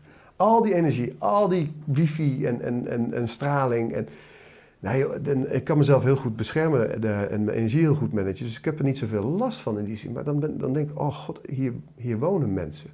En niet zo'n beetje ook, hier wonen heel veel mensen. En ehm, dan kom je in Nederland in. En hier is het niet, niet veel minder dan in, eh, in eh, Parijs. Wat minder files op dit moment vanwege die, eh, die lockdown. En ja, dit, wat ik zeg, het is echt alsof ik in een soort twilight zone kom. En je ziet dan ook zo goed, zeker omdat ik nu zo lang niet in Nederland ben geweest. Je ziet dan de illusie. Je ziet de illusie die hier, die we hier, want ik ben daar ook onderdeel van geweest. Ik heb zelfs in de bouw gezeten. Die we hier met z'n allen hebben gecreëerd. Want dit is niet het leven. Dit, alle, dit, dit allemaal. En al het beton en al het staal en al, die, al het asfalt en al die auto's en al die uitlaatgassen en al die straling. En al die verlokkingen. En dat is niet het leven. Het is echt iets heel anders. En eh, ja, dat, dat, ik merk dat me, dat, dat raakt me. Mhm. Ja. Ja, mooi. Eh, ik was een paar jaar geleden te gast bij jou in de Lichte Leven Summit. Ja. eh, voordat we live gingen, spraken we elkaar ook eventjes. Dan hadden we het er ook over dat we alle twee jonge vaders zijn. Maar Ja, ja. eh, er zijn ook enorm veel ondernemers die niet per se jonge kinderen hebben. Wij wel. Ik hoorde je ook op een blog zeggen, verlicht vaderschap is een hele kunst. Hè? Kinderen kunnen het bloed onder je nagels vandaan halen. Eh, wat zijn sterke basisprincipes voor ouders? Ook in deze tijd waar heel veel ouders ook uitgedaagd worden als kinderen nu met thuisonderwijs thuiswerken. Ja. En het misschien niet zo romantisch is als je had gehoopt om met z'n allen gedurende langere tijd samen te leven. Ja, mooie vraag. Eh, weet je, ik, ik, ik, ik zie ouders als goedbedoelende amateurs. Ik zie mezelf als een goedbedoelende amateur. Ben ik ook, Mijn vrouw ook. Ja, je hebt, ja, we zijn allemaal. Mijn Ja. ouders ook. Daar moet je ook je ouders nooit het kwalijk nemen. Het heeft helemaal geen zin. Het zijn goedbedoelende amateurs die eh, eh, ook niet beter wisten. En die opgevoed zijn, die andere goedbedoelende amateurs, die ook niet beter wisten. En ehm, ik ben ook absoluut niet verlicht. Ik kom niet eens in de buurt en ik wil dat ook niet eh, eh, voorwenden. Dus, Je hebt wel drie lampjes boven je gang ja, dat, dat, Dus geeft wel verlichting. Ja. Nee, en ehm, weet je, dus ik, heb gewoon, ik ben gewoon een, een, een goed bedoelende amateur met drie zoons. Die alle drie lekker druk zijn. De jongste is drie, de middelste is zes en de oudste is, is acht. En drie van die gasten die, ja, die natuurlijk volle spiegels zijn voor mij. En dus wat kinderen laten zien, zijn de delen in jezelf die je nog niet geaccepteerd hebt, die je nog niet geheeld hebt, die je nog niet door hebt, eh, door hebt gewerkt. Dus kinderen vertonen gedrag en doen exact wat jij niet wil. Dus, eh, of waar je bang voor bent. Als jij gepest bent op school vroeger en je bent bang dat je kind gepest wordt, dan is de kans heel groot dat dat precies is wat er gaat gebeuren. Want het kind heeft jou wat laten zien. Zolang jij dat, dat pesten niet geheeld hebt in jezelf, gaat het kind het eh, voor je voorleven. hè. Zo werkt het ook met allerlei, eigenlijk met alle trauma's. Je geeft ze door aan je, aan je naasten. Daarom is eigenlijk zelfontwikkeling ook een plicht die je hebt aan de generaties na je. Ehm, en, eh, maar kinderen laten je ook gedrag zien. Ja, als jij, als jij kijk, ik ben iemand, eh, en dat weet ik van mezelf, eh, dat ik hou ervan als de dingen zo gaan als ik wil. Dat zit er gewoon van jongs af aan al in. Dat heb ik heel sterk. Dat ik vroeger met vriendjes, ik wilde ook altijd de baas zijn van het groepje. Ik wilde altijd de leiding. En, bloedirritant. Eh, En, als ik, en de- heel veel daarvan is weg, maar het zit er nog steeds in. Ik hou ervan dat dingen zo gaan als ik wil. Nou, jij hebt dat ook. Hè? We zijn allebei best wel perfectionistisch op onze eigen manier. eh, in, Dingetje met hoe controle, je ja. dingen doet, precies. Ja. Dus mijn oudste zoon, die wil alles zoals hij dat zelf wil. En daar irriteer ik me dood aan. want, want dat gedrag, dat denk ik, ja, doe niet zo dominant en doe niet zo dit. En wat denk je dat mensen van je vinden als je zo, als je zo gedraagt. En, weet je, en dan hoor je dus je eigen vader praten. Mijn oudste dat- zoon trouwens ook. Je hebt hem net hierboven boven Ja. ontmoet, maar Ja. dat is ook mijn spiegel, ja. Ja, Noah heet hij, hè? Noah, ja, ja. Mooie naam, ja. Nee, en, eh, dus dat is, dat, is, dat is wat kinderen doen. En de, de middelste spiegelt weer wat anders en de jongste, jongste spiegelt, weer, spiegelt weer wat anders. Kijk, en als je, om antwoord te geven op je vraag... Je, je, je maakt als ouder dus heel veel fouten. Ik zeg altijd, vaderschap is falen. Moeders zijn daar veel beter in. Die begrijpen dat van nature. Die hebben dat eh, ook, ook veel meer interesse in. En eh, vaders zijn daar wat dat betreft over het algemeen klungels in. Hoewel de ene vader er beter in functioneert dan de ander. Maar vaderschap is falen. En je moet jezelf ook vergeven voor dat vader. Maar ik denk dat het belangrijkste is, in al die, in al die fouten die je maakt... en al die vergissingen en al die beslissingen die je, die je niet helemaal eh, juist zet... dat je de twee belangrijkste waarden voor een kind in de opvoeding hebt. En dat zijn veiligheid en liefde.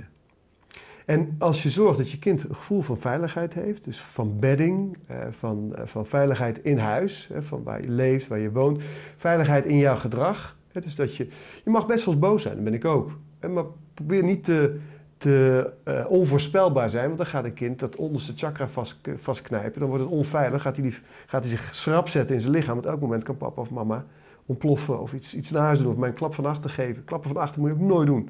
Als je ze, niet, als je ze je niet aanzien komen, niet doen, want het, verkrampt. En elke keer als een kind verkrampt, eh, dan is er eigenlijk een nieuw traumaatje opgelopen.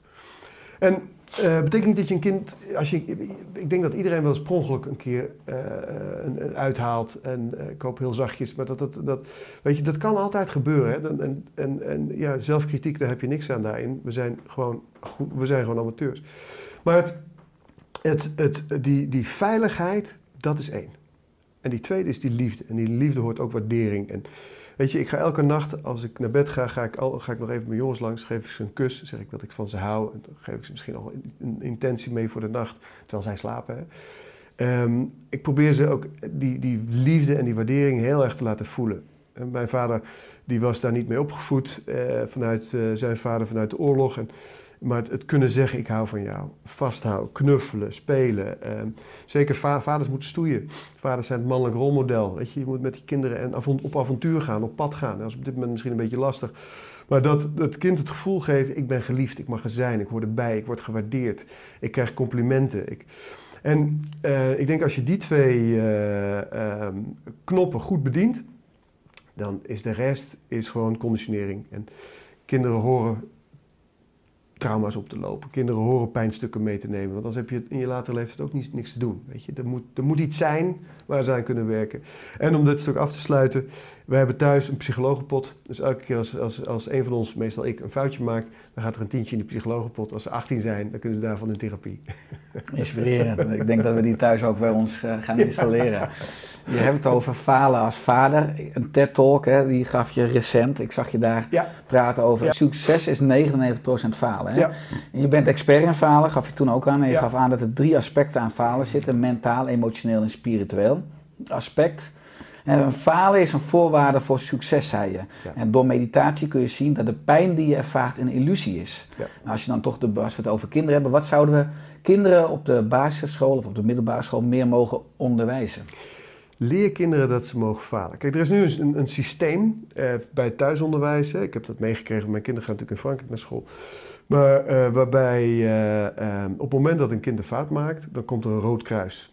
Eh, en je kunt af, punten, aftrekpunten en dergelijke krijgen. Dus we worden heel erg afgerekend op falen.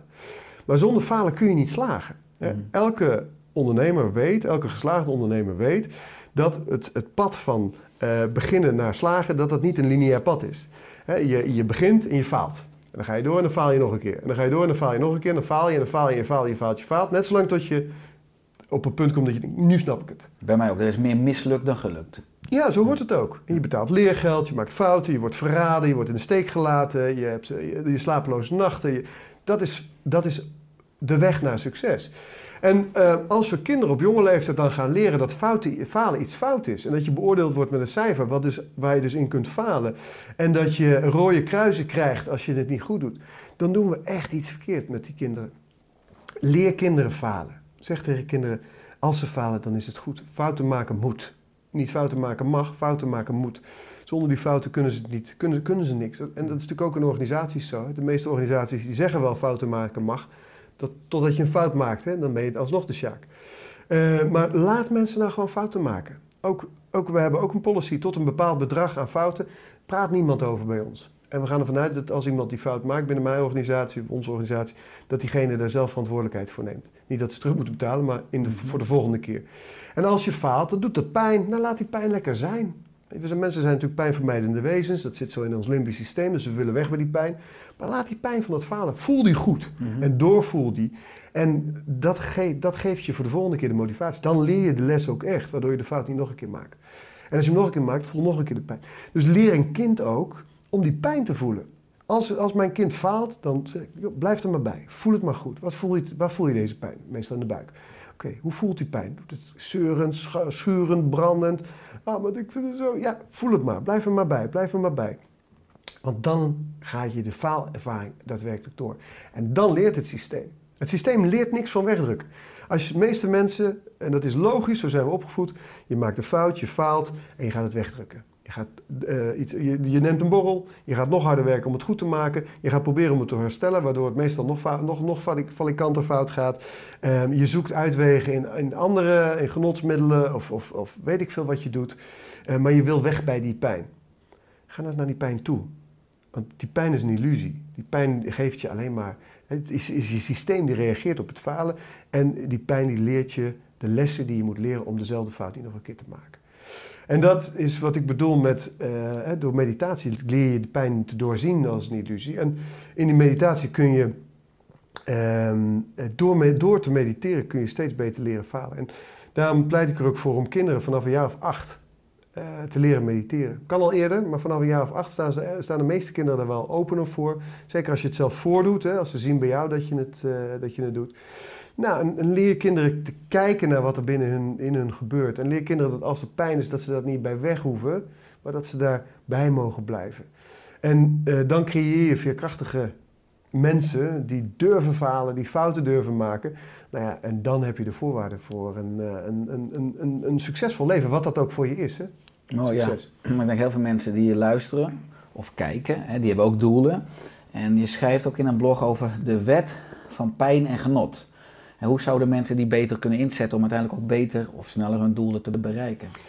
Ja, die, die, ik denk dat die, die, dat, dat principe, hè, pijn-genot. Dus dat je als mens weg wil bij pijn en genot zoekt. Dat is heel logisch, want als je even terug naar de jungle denkt. eh, je woont in de jungle, er is pijn, pijn is gevaar, gevaar kan de dood betekenen. Dus daar wil je bij weg, is overleven. Genot kan iets lekkers zijn, wat je kunt eten, of een voortplantingkans. Dus daar wil je naartoe. En dus in ons systeem zit pijn vermijden en genot zoeken.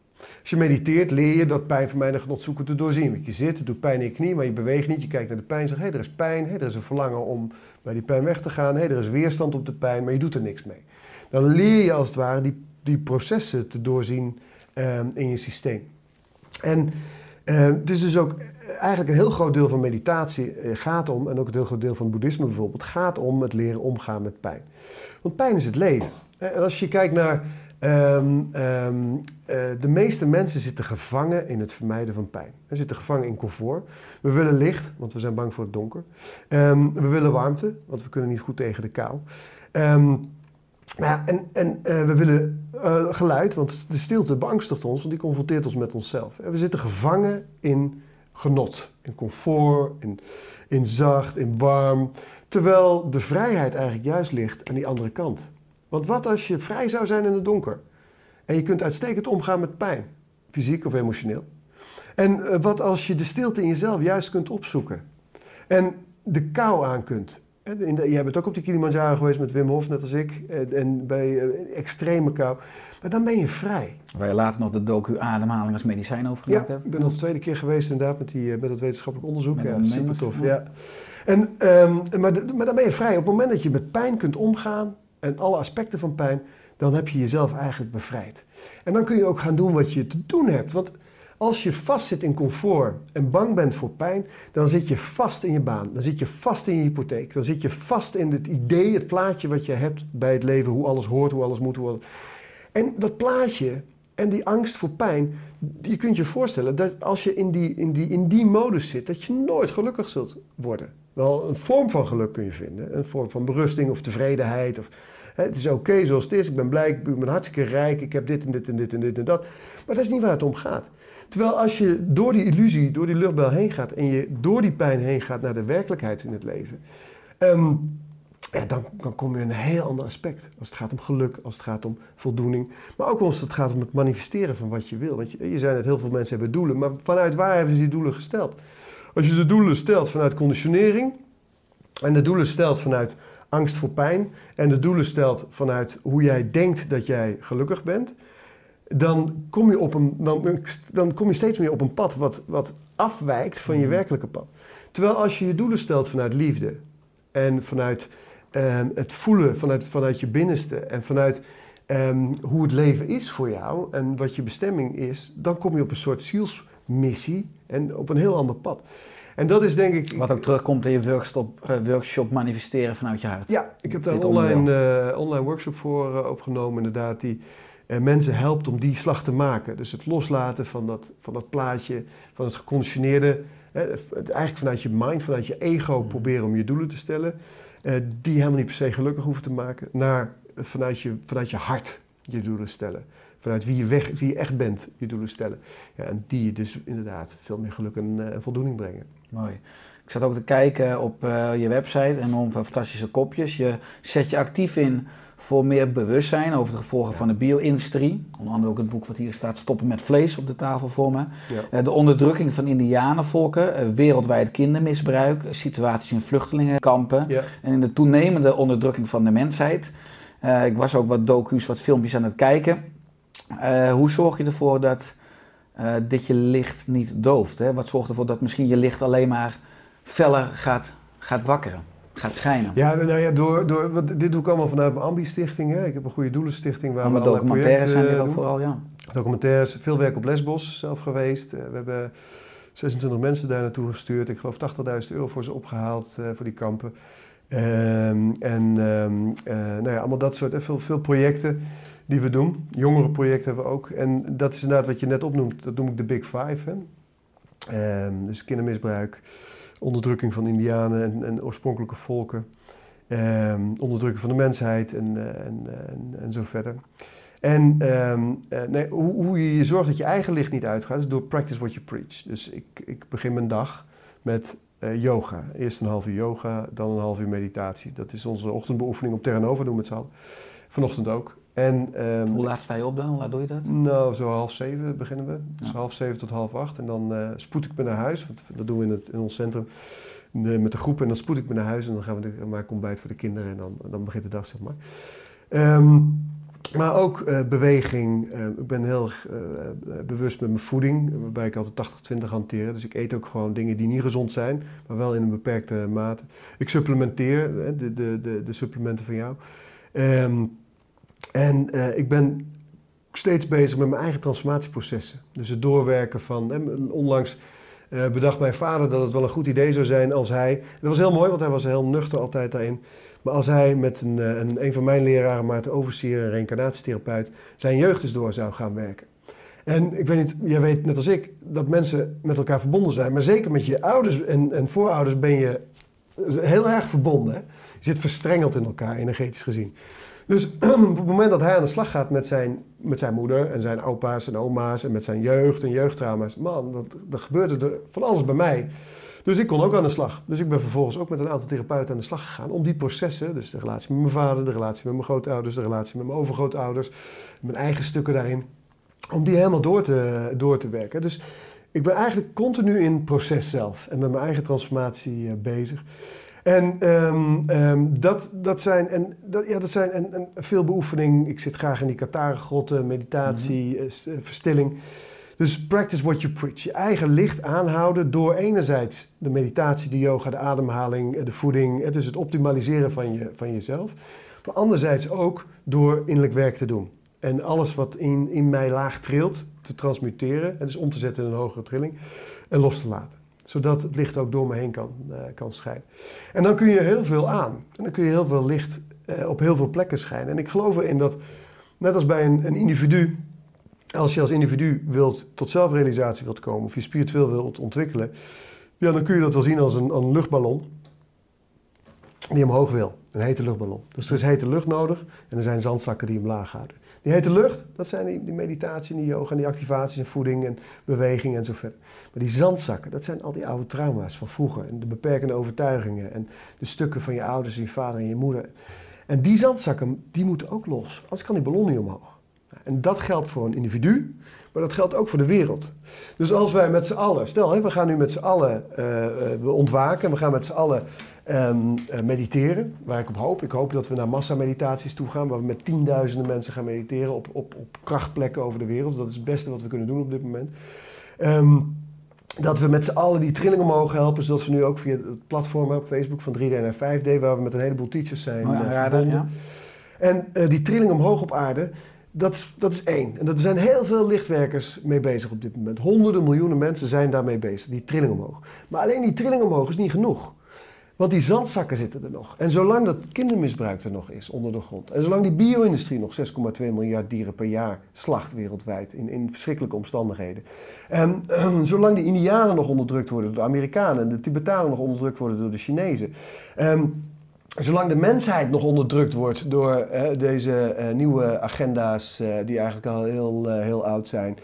Ehm, zolang er nog mensen in vluchtelingenkampen zitten met hun hele gezin. Ik ben er geweest, ik heb het gezien. Het is echt verschrikkelijker dan verschrikkelijk.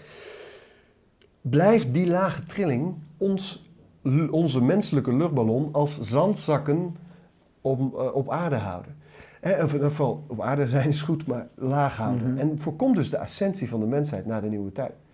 En ik zei al, er zijn krachten die daar belang bij hebben. Maar we moeten met elkaar. En ik gebruik het moeten niet graag, maar in, dit, in, deze, in deze context wel veel. We moeten met elkaar ons licht schijnen juist op die hele duistere plekken. Want, ja, zeggen mensen dan, maar waar je aandacht op gericht, dat groeit. Dan zeg ik, ja, in de derde dimensie werkelijkheid is dat waar. Als ik ergens vanuit angst of strijd of wanhoop of onmacht mijn aandacht op richt, dan geef ik het voed- voeding, dan groeit het, dan wordt het erger. Als ik vanuit wanhoop mijn aandacht richt op, de kinder, eh, kindermisbruik, op kindermisbruik, dan gaat het groeien, wordt het erger. Maar op het moment dat ik vanuit 5D, vanuit liefde en compassie en wijsheid mijn aandacht richt op iets duisters, dan transmuteert het. Want dan, ben ik, dan is aandacht licht. En dat is wat voor mij, eh, dus één, je eigen licht, je eigen transformatie, je eigen proces, elke dag weer. Twee, anderen inspireren om dat ook te doen, hè, zoals jij met je coachopleiding doet en ik ook. Drie, je licht schijnen op die plekken op de aarde waar het echt donker is. Waar mensen het echt nodig hebben. En ik denk als we dat met elkaar kunnen doen. En we kunnen dat met al die honderden miljoenen mensen die wakker zijn en wakker aan het worden zijn op aarde op dit moment. Ja, dan kunnen we een enorm verschil maken. En dan kan het al gebeuren uh, in, in, in dat, dat we de, dat omslagpunt, waar we eigenlijk met z'n allen een soort kwantumpunt, waar we in één keer baf die omslag gaan ervaren. dat kan heel dichtbij liggen. Dat kunnen onze kinderen, misschien gaan wij het nog wel meemaken. Maar dat hebben we zelf in hand. En dat hangt af van de keuzes die wij als individu maken op dit moment. Ja, mooi, sterk. Je hebt uh, de Bridgman-organisatie opgericht hè, met opleidingen voor lichtwerkers. Ook de Bridgman Foundation, een stichting die zich inzet voor mensen, dieren, natuur en moeder aarde Ja. in moeilijke omstandigheden.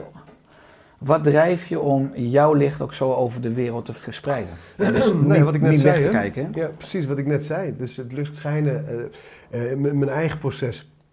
Ehm, het opleiden van, eh, we, bij, we hebben Bridgman Lichtwerkersacademie waar we, eh, een, ik heb een transformatiecoachopleiding waar ik mensen leer om dat hele proces wat ik net uitlegde eigenlijk van illusie naar werkelijkheid met cliënten te doen. Eerst met zichzelf, dan met cliënten. We hebben Althusser Rossiter, is een belangrijke leraar voor mij, ongelooflijke, waanzinnige eh, teacher uit Engeland. Hij is inmiddels in de 70, die zijn hele teacher training bij ons heeft ondergebracht. We hebben Rianne Manten, die haar hele teacher training, die heel goed is in chakra's en, eh, en eh, energetisch werken op chakra's en chakra-psychologie. En we zijn nu bezig met een, eh, een volgende teacher die zijn opleiding bij ons gaat onderbrengen, energetisch coaching. En zo willen, we, willen als Bridgman Lichtwerkersacademie eigenlijk een soort hey-house zijn voor teachers die opleidingen hebben en teacher training hebben. En dat kan in allerlei ja, gradaties. En wij, wij eh, ondersteunen dat. Dus we hebben een, ik heb een team, we hebben een zakelijk directeur, mijn compagnon Hans Wijnen. En mijn vrouw Monique is ook, eh we zijn met z'n drie eh, de compagnons en de ondernemers. En wat ons team doet is het, het, het aansturen van, eigenlijk het faciliteren dus locaties. Alles wat met catering, online, online programma's, marketing. we nemen alles uit handen tot en met administratie en facturatie toe, zodat ja, die teachers kunnen focussen op waar ze goed in zijn. En ehm, ik ben een van de teachers in mijn eigen academie en ik moet zeggen dat ze dat erg goed doen. En we daardoor ook mensen, ja, ik, ik, ik, voor mij zijn er, er zijn meer teachers nodig. Veel meer teachers die het op een echte goede manier doen. En als die zich ook nog gaan verbinden, we zijn gewoon nog met te weinig voor de hoeveelheid mensen die aan het wakker worden zijn. Dat zie je wel hè. 3D, 5D, dat platform, je hebt het gezien. De eerste maand hadden we een, een, een, een campagne dat we elke ochtend een filmpje van een teacher lieten zien. Dat 31 filmpjes in een maand tijd. 500.000 mensen hebben dat gezien. Er kwam gewoon een half miljoen mensen op af. Van 3D naar 5D. Dus zoveel mensen zijn hiermee bezig, alleen al in Nederland.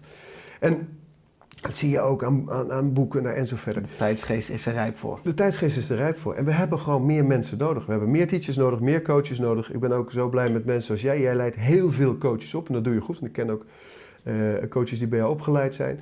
Weet je, die mensen zijn nodig nu. En Nederland is nog lang niet verzadigd. Echt nog lang niet. We kunnen nog tienduizenden coaches opleiden voordat we, eh, voordat we de, op het punt zijn dat we de ene helft van Nederland de andere helft coachen. Dat is natuurlijk een illusie. En daarna gaat Nederland, Nederland voorbeeldland, Nederland gidsland. Dat is zit in de energie van dit land. Dan gaan die Nederlandse coaches de wereld in. Let maar op. Weet je, dus wij moeten, weer het woord moeten, maar in deze context zoveel mogelijk mensen blijven opleiden. En mensen groeien door tot teachers. Zie jij ook mensen die in jou, uit jouw stal komen, die zelf groter aan het worden zijn, die bereik krijgen, die steeds meer bijdragen en steeds meer impact hebben. Ja, dat is gewoon belangrijk in, eh, in deze tijd. En als we dan met elkaar eh, ook nog oog hebben voor eh, de, de, de andere kant van de samenleving, waar mensen echt lijden. Hè, want je hebt, in feite is de samenleving ingedeeld in twee delen. Hè. Je hebt mensen die, waar wij wonen. Dit zijn, wij, wij zijn de, de categorie mensen die het goed hebben en die eh, eh, arm genoeg zijn om te moeten blijven werken en rijk genoeg zijn om niet te zeuren, hè, om niet in op- opstand te komen. Dat zijn wij. En dan heb je de mensen die echt lijden. Maar die wonen niet hier. Die wonen eh, in Lesbos, die zitten nu in, in Syrië, die wonen in, In, in, op plekken waar heel erg onderdrukt wordt. En trouwens, die heb je hier ook als je kijkt naar human trafficking. Want Nederland is een, is een gidsland, maar ook een van de grootste mensenhandellanden en doorvoerlanden ter wereld. Hè? En heb je ook een kindermisbruik. Dus ook hier in Nederland zijn er mensen die echt lijden. Eh, dieren die echt lijden in onze Nederlandse bio-industrie. Eh, dus eh, die kant van, is heel moeilijk voor de mensen die in de dimensie zitten van... Waar, waar ik het nu net over had, dus die, die, die in die illusie leven van, van, van rijk genoeg om, om, te om, om niet te zeuren en arm genoeg om te blijven werken. Die komen eigenlijk niet zo aan die andere kant. Ja, die betalen wel. Je betaalt een goede doelen en dan erger je je over het salaris wat die directeur ervan krijgt. En nou, doe je nog eens een bedrag, nog een bedrag, dat is het dan. Maar als we nou daadwerkelijk wat gaan doen en daadwerkelijk gaan ons licht gaan schijnen en daadwerkelijk alleen al op Facebook laten zien wat er eigenlijk gebeurt. Moet eens kijken, dit is, moet eens kijken, dit, moet eens kijken, dit. Ondanks het risico wat, wat je loopt dat mensen daar eh, heftig op gaan reageren. Zelf is naar zo'n vluchtelingenkamp om vrijwilligerswerk te doen via Because We Carry. Dat is een stichting waar we mee samenwerken. Die daar gewoon on the ground zijn. Die meiden doen daar fantastisch werk eh, van Steffi. En, ehm, of, of, eh, Movement on the Ground, Because We Carry. eh, of, ehm, ehm, weet je, zelf, zelf, kijk eens naar de stichting van de, van, van, van, die, de, van de Dalai Lama over de Tibetanen. Kijk eens naar wat er met die Indianen gebeurt. Kijk eens naar oorlogsgebieden. Kijk eens naar wat je kunt doen. Want je kunt al zoveel meer doen dan je denkt. En dat is ook wel wat ik probeer te belichamen. Dat ik ben één persoon. Maar door me goed te organiseren, door de juiste mensen om me heen aan te trekken... en door, door me in te spannen, kan ik in mijn eentje best wel veel doen al. Stel je nou voor dat we allemaal ons inspannen. En je kiest gewoon dat wat... Ik ben dan heel breed georiënteerd, maar het kan best zijn dat voor jou dat jij zegt... Nou, dat. Ik ga binnen bedrijven trainingen geven. Want daar, daar is licht en bewustzijn nodig. Dan doe jij dat. ik ga vrijwilligerswerk doen, daar en daar, want daar is bewustzijn nodig. Dan is dat wat je doet. Ik ga een film maken over die situatie, want daar is bewustzijn op nodig. Dan is dat wat je doet. Ik ga de Tweede Kamer aanschrijven over de onderzoeken die geweigerd worden over eh, satanisch kindermisbruik. Dan is dat wat je doet. Weet je, choose your battle, zonder dat het een strijd wordt. Maar kies waar jij, wat jij kunt doen, want we kunnen allemaal iets doen. En hoe klein of hoe groot het ook is. Hè, er is een project in Nederland, dat heet One Bill, of in Amerika, dat heet One, One Billion Acts of Peace. Als we eh, een miljard kleine dingetjes doen, moet je kijken wat de impact daarvan is. En dus als wij daar als Nederlanders bij in, we zijn maar met 17 miljoen, maar wij kunnen dat miljard acts of peace kunnen wij, kunnen wij voeden. En dat kan iedereen. En dat kan ook nu, ook in deze lockdown-tijd. En het is steeds niet kijken naar wat je niet kan, maar juist zoeken naar wat je wel kan en daar waar je wel kunt bijdragen. En het is een mooie oproep, laten we dat doen. Dankjewel Robert. Is er aan het einde van de podcast nog iets wat je graag wilt toevoegen? Nee, ik denk dat ik heel veel, heel veel gezegd heb al eh, in, eh, in deze podcast. Ik denk dat het belangrijk is dat mensen ehm, de dingen die die bij ze passen. Dus ook als het gaat om persoonlijke ontwikkeling, ook als het gaat om spirituele ontwikkeling, als het gaat om je licht schijnen, als het gaat om wat je op online opzoekt en wat je deelt. En ehm, ik denk de belangrijkste boodschap is, daarbij is, ehm, doe waar je je passie voor voelt. Dat klopt altijd. Passie is de taal van de ziel. Doe, waar je dat vuur voor voelt. En dan hoeft het niet in één keer je levenspassie te zijn. Vaak zijn het een soort van zandkorreltjes, of een soort van eh, kiezelsteentjes bedoel ik, die daar, eh, die daar naartoe leiden. Ehm, maar vooral ook, maak je geen zorgen. Weet je, het is in de, ik was eh, onlangs in Israël op een, een Kabbalah-congres en de, de, rabbi daar, die mocht ik interviewen een uur lang. Dat interview ga ik binnenkort eh, uitzenden. Ik moet het nog bewerken, want het is een beetje druk geweest. Ehm, eh, maar die, hij zei zo mooi tegen mij, zegt, joh, ik zat zo met hem zoals wij nu zitten. En hij zegt, eh, voor ons in de Kabbalah is het al 6000 jaar bekend deze tijd zo gaat zijn. De chaos, de destructie, we weten het al. En hij zegt, in de Kabbalah is een, een fork in the road en ieder individu mag kiezen. Kies je de weg van ego, van destructie, van angst, of kies je de weg van verbinding, en van heelheid en liefde. Die twee wegen die lopen parallel aan elkaar. En uiteindelijk, zei hij, komen ze samen. Dat weten wij al 6000 jaar. Uiteindelijk, of je nou de weg van angst kiest of de weg van de liefde, ze komen samen in het nieuwe bewustzijn. Als je dan deze tijd vergelijkt met een zinkend schip. Het schip zinkt. En dat duurt nog wel een tijdje. Het schip is aan het zinken. En als het schip gezonken is, zegt de Kabbalah, dan ligt daar een eiland, tropisch eiland, waar iedereen voor de rest van zijn bestaan gelukkig is. Dan kun je kiezen Of je tijdens het zinken schreeuwend en gillend aan de balustrade gaat hangen. "Ah, help, help. Of gewoon lekker chill met een cocktail bij het zwembad gaat zitten. Dat zei hij niet, van die cocktail. Maar je begrijpt wat ik bedoel. En dat verhaal, dat is voor mij zo sprekend voor... Hè, hij vertelde over die twee wegen, dat van het schip heb ik er zelf aan toegevoegd. Maar dat verhaal is voor mij zo sprekend voor deze tijd. Je mag kiezen. Ga jij in angst aan de reling hangen? Dan moet je dat doen. Dat is jouw keuze. Ik vind daar niks van. Ik vind niks van mensen die angstig zijn. Ik, heb, ik vind prima als mensen vaccinaties willen. Ik vind prima als mensen niet willen knuffelen, lockdown. eh, eh, maar- helemaal goed. Ja, ik ook. Het is een keuze. Die Ja. keuze maak jij en die maak je eh, ongetwijfeld bewust. En, weet je. Maar je kunt ook kiezen voor liefde.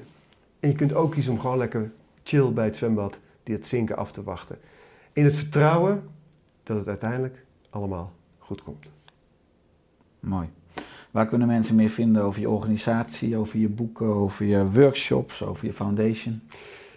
robertbridgman.com. Daar staan alle, alle, alle activiteiten van ons en, en links naar alle verschillende organisaties en eh, boeken en zo. En podcasts en meditatie en de whole shebang. Die kun je daar vinden. Dank Robert voor je komst in de Oester podcast. Dankjewel. Dat we samen nog maar veel bruggen mogen bouwen naar een wereld met meer liefde, licht en bewustzijn. Zo is het. Dat doen we. Het was mijn eer. Dankjewel. Wederzijds, dankjewel.